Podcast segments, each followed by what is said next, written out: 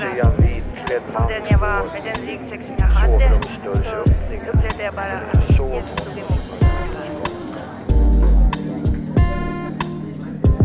Röster från Sankta Clara med Maj-Lis Johansson. Välkommen till Sankta Clara kyrka och till Klara Röster. Idag har jag den stora förmånen att få intervjua Alvar Almqvist. Man skulle kunna kalla honom för pingstspjut i musik. Är det ett bra uttryck? Ja, kanske det. Jag har ju mina rötter i pingströrelsen så jag har jobbat mycket i Svenska kyrkan och i andra församlingar också. Men det handlar mycket om musik för mig. Som lärare och som musiker. Jag har ju hört dig på avstånd genom livet, när jag varit med Herren och mot Herren. Jag har ju haft olika delar av mitt eget liv. Det jag fastnade för var din attityd och din hustru. Ni hade en djup och härlig attityd när det gäller musiken. Man nåddes fram genom den heliga Ande, genom er musik. Och det har jag aldrig liksom tappat. Och du har ju naturligtvis inte heller tappat det. Kan du berätta lite grann om din bakgrund, barndom och hur du fann musiken och varför just du blev professionell musiker? Jag växte upp i Småland, i Frikyrkosmåland i Vetlanda. Och i mitt hem var det mycket sång och musik för mina föräldrar spelade och sjöng och mina syskon också. Jag har två äldre syskon och två yngre. Och sen mina föräldrar var aktiva i frikyrkoförsamling och det var en pingstförsamling då som du nämnde där. Och, eh, så det blev att jag växte upp där också. De tog med mig till söndagsskolan när jag var tre år. Och sen var det barnmöten, bibelstudier, ungdomsveckor liksom som följde med. Och, eh, så att församlingen var en väldigt stor del av mitt liv redan när jag var liten. Och sen så, eh, alltså det där gjorde ju att det, det växte fram en personlig tro hos mig själv. Eh, en tro på Jesus, en tro på kristna värderingar som har följt med mig sedan dess. Och, ehm, sen har det ju stötts och blötts i olika sammanhang. Jag vet till exempel under gymnasietiden var det mycket ifrågasättanden i skolan. Eh, och då kunde man kanske inte riktigt hela tiden hålla kontakten mellan hjärta och hjärna, om man säger så. Just det där att man kan inte förstå allt. Man kan inte förklara allt. Det kan jag fortfarande inte. och vem kan det förresten? Men som sagt var, där föddes mitt intresse då för församlingsarbete, för sång och musik och jag fick själv komma med och musicera. Mitt första offentliga framträdande det var som pianist på ett barnmöte. Det var första gången jag spelade offentligt. Sen blev det ju, det fanns ju kör och strängmusik och blåsorkester. Så det blev att jag hoppade på och spelade lite av varje. Piano, orgel, trombon, flöjt, fiol. Så det var liksom en rik skola redan från början. Så. Jag har hört av musiker att um, satsa på ett instrument och ha de andra på sidan om. Och vad jag förstår blev ju piano och orgel ditt instrument. Du är ju suverän på att spela verkligen. När det gäller glädjen att spela och sjunga, det kan, man kan ju säga att många har ju musikbegåvning men de får inte ta på glädjen. Vad beror det på att du fick sån glädje i musiken? Ja, alltså dels så är det nog så att jag alltid tyckt själv att det var roligt att vara med och spela och sjunga. Eh, och på något sätt så är det väl ett flöde inifrån känner jag. Um, och sen så när man märker att andra människor blir berörda och förhoppningsvis glada av det man gör, då ökar det ju glädjen hos en själv också tycker jag.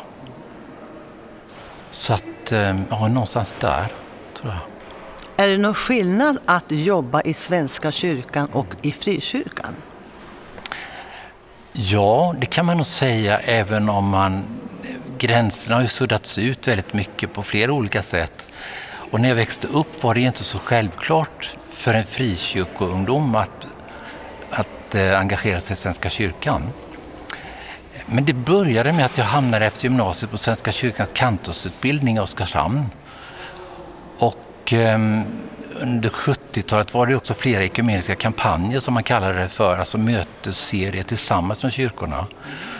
Och där växte det också fram hos mig just detta synen på att vi är alla kristna. Men sen, jag hamnade inte som anställd i Svenska kyrkan förrän ganska sent i livet, för jag har jobbat mycket som musiklärare. på alla nivåer, från årskurs ett upp till högskolan. Jag kan tänka mig att du passar väldigt bra för barn och ungdom. Din attityd är ju rak men mjuk som man säger. Du har ju också frun din som eh, Eva som sjunger och du har ju också barn som är musikaliska. Blev barnen lika naturligt utövande när det gäller musik som du och din hustru blev? Ja, det tycker jag att det har blivit så. Dels har de ju fått med oss i kyrkan och suttit under flygen när jag har spelat på möten och så. Men nu håller de också på med musik. Patrik, min son, han skriver musik och säljer. Och min dotter håller på mycket med klassisk sång. Så att det har blivit så för dem också, kan man säga. En musikalisk familj. Så tog du i alla fall emot Jesus som barn och du har behållit hans hjärta verkligen. Du har behållit den heliga Andes glädje, du, du är beroende av honom oavsett hur duktig du är. Så har alltid varit beroende av den heliga Ande. Mm. När du läser Bibeln, varför läser du Bibeln? Alltså dels har man ju med sig ända från söndagsskolan och hemmet att man hörde bibelberättelserna. Det fanns ju sån här sandlådefigurer, det vet kanske inte folk vad det är nu för tiden. Man visade upp bibelpersoner i en liten sandlåda, flanellograf och sånt. Men sen min mor, då var hon ungefär 12 år, hon tyckte så här, du ska börja läsa Bibeln i, i ordningsföljd liksom att läsa. Och då gjorde jag det och sen har jag fortsatt med det. Och jag märker liksom, om jag, om jag låter bli det, då, då blir livet annorlunda. På något sätt är det, det påverkar min inre källa tycker jag. Um, det påverkar mitt humör, mitt sätt att vara mot andra människor. Um, ja, det, på något sätt är det liksom en grund i livet tycker jag. Nästan som att äta. Bibeln uttalar sig som ett tveeggat svärd som åtskiljer själ och ande, märg och ben. Och det är en domare över hjärtats uppsåt och tankar. Mm. Så jag förstår mycket väl att du säger det här om Bibeln. Mm. Jag är alltid avundsjuk på de som har läst Bibeln hela livet, för det har jag själv inte gjort. Men jag vet att det är inte för sent. Man kan läsa Bibeln idag, varje dag. Har du någon speciell psalm, någon speciell bibelvers, något speciellt tilltal av de stora männen? David, Nehemja, eh, Mose. Vi har ju så många olika personliga människor i Bibeln som vi vet faktiskt var bara vanliga människor, men som Gud utvalde. Och han utvalde ju dig att bli musiker. Har du något speciellt bibelställe som du skulle kunna citera också direkt? Eh, om jag börjar med att säga så att eh, när jag läser har jag ofta återvänt just till Lukas evangelium. Jag gillar att han har sån struktur. Han berättar, försöker berätta i tur och ordning vad som hände och hur det var. Ehm, det är inget speciellt bibelställe kanske, men en speciell bibelbok. Eh, sen har jag ju tonsatt själv, komponerat musik till olika bibelställen, till exempel till inledningen på Johannesevangeliet som jag tycker är fantastiskt. Det är som ett monument, liksom. det är som en ny skapelseberättelse. Och det handlar om vad som hände innan skapelsen var, liksom. att Gud fanns och Jesus fanns från början. Eh, det fascinerar mig oerhört. Det är liksom så storslaget, det bara svindlar när man läser det tycker jag. Om, man säger, om vi håller fast vid Bibeln och musiken, varför är musik och Bibel så viktigt tillsammans? Jag har ju varit mycket musiklärare också. Då handlar det om att man undervisar andra. Och för mig är sången delvis en undervisande funktion. Man berättar någonting, man lyfter fram ett bibelord eller ett sammanhang. Så jag tycker att sången har en undervisande funktion. Men det har också funktionen av att vara lovsång till Gud. Man visar sin tacksamhet.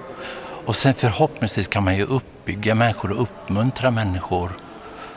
Och där tror jag faktiskt att man kan säga att sången kan ha en profetisk funktion också. Att tala in till människor just i den situationen de är just då, tror jag. Absolut. Har du någon sån här dröm som inte än är uppfylld, som du skulle önska blev uppfylld då i musikvärlden för din del? Ja, alltså jag är ju deltidspensionär nu och eh, jag fortsätter i kyrkan musicera och vikariera nu och sen kommer jag säkert kunna göra kortare insatser här och där. Ehm, men alltså jag har ju med glädje att få musicera, att få spela, göra det tillsammans med andra, att få komponera musik och eh, jag har ju varit väldigt mycket en livemusiker som har varit med i gudstjänster och konserter i kyrkan.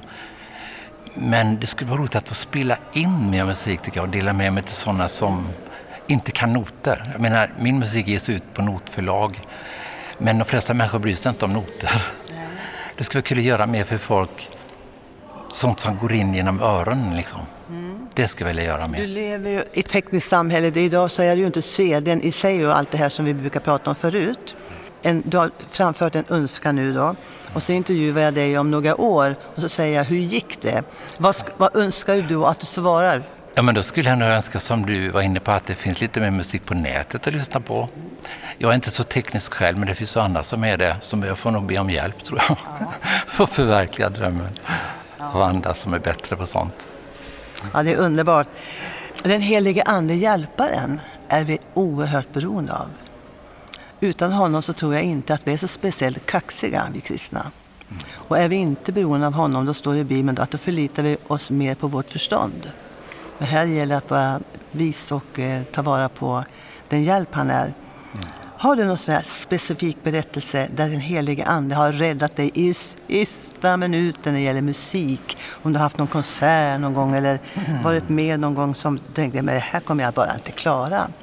Jag vet inte om jag kommer på något så specifikt, men alltså jag vet ju när jag spelar, man kan vara ganska nervös faktiskt innan. Och, och det, det, jag tror att det kan vara bra att man är lite nervös för då skärper man sig. Men just det där när man blir så våldsamt nervös så att man lätt gör fel. Och då har jag varit med om att man kan uppleva att man får känna frid och vila i sin själ. Och jag tror att den helige Ande kan verka så också. Så att det då liksom räddar situationen. Absolut. Nu ska du få be en bön för alla musiker i Sveriges land. Och du ber direkt ifrån ditt hjärta som avslutning. Varsågod. Tack gode Gud för att du skapat allt så skönt i universum och oss människor. Tack att du gett oss sången och musiken.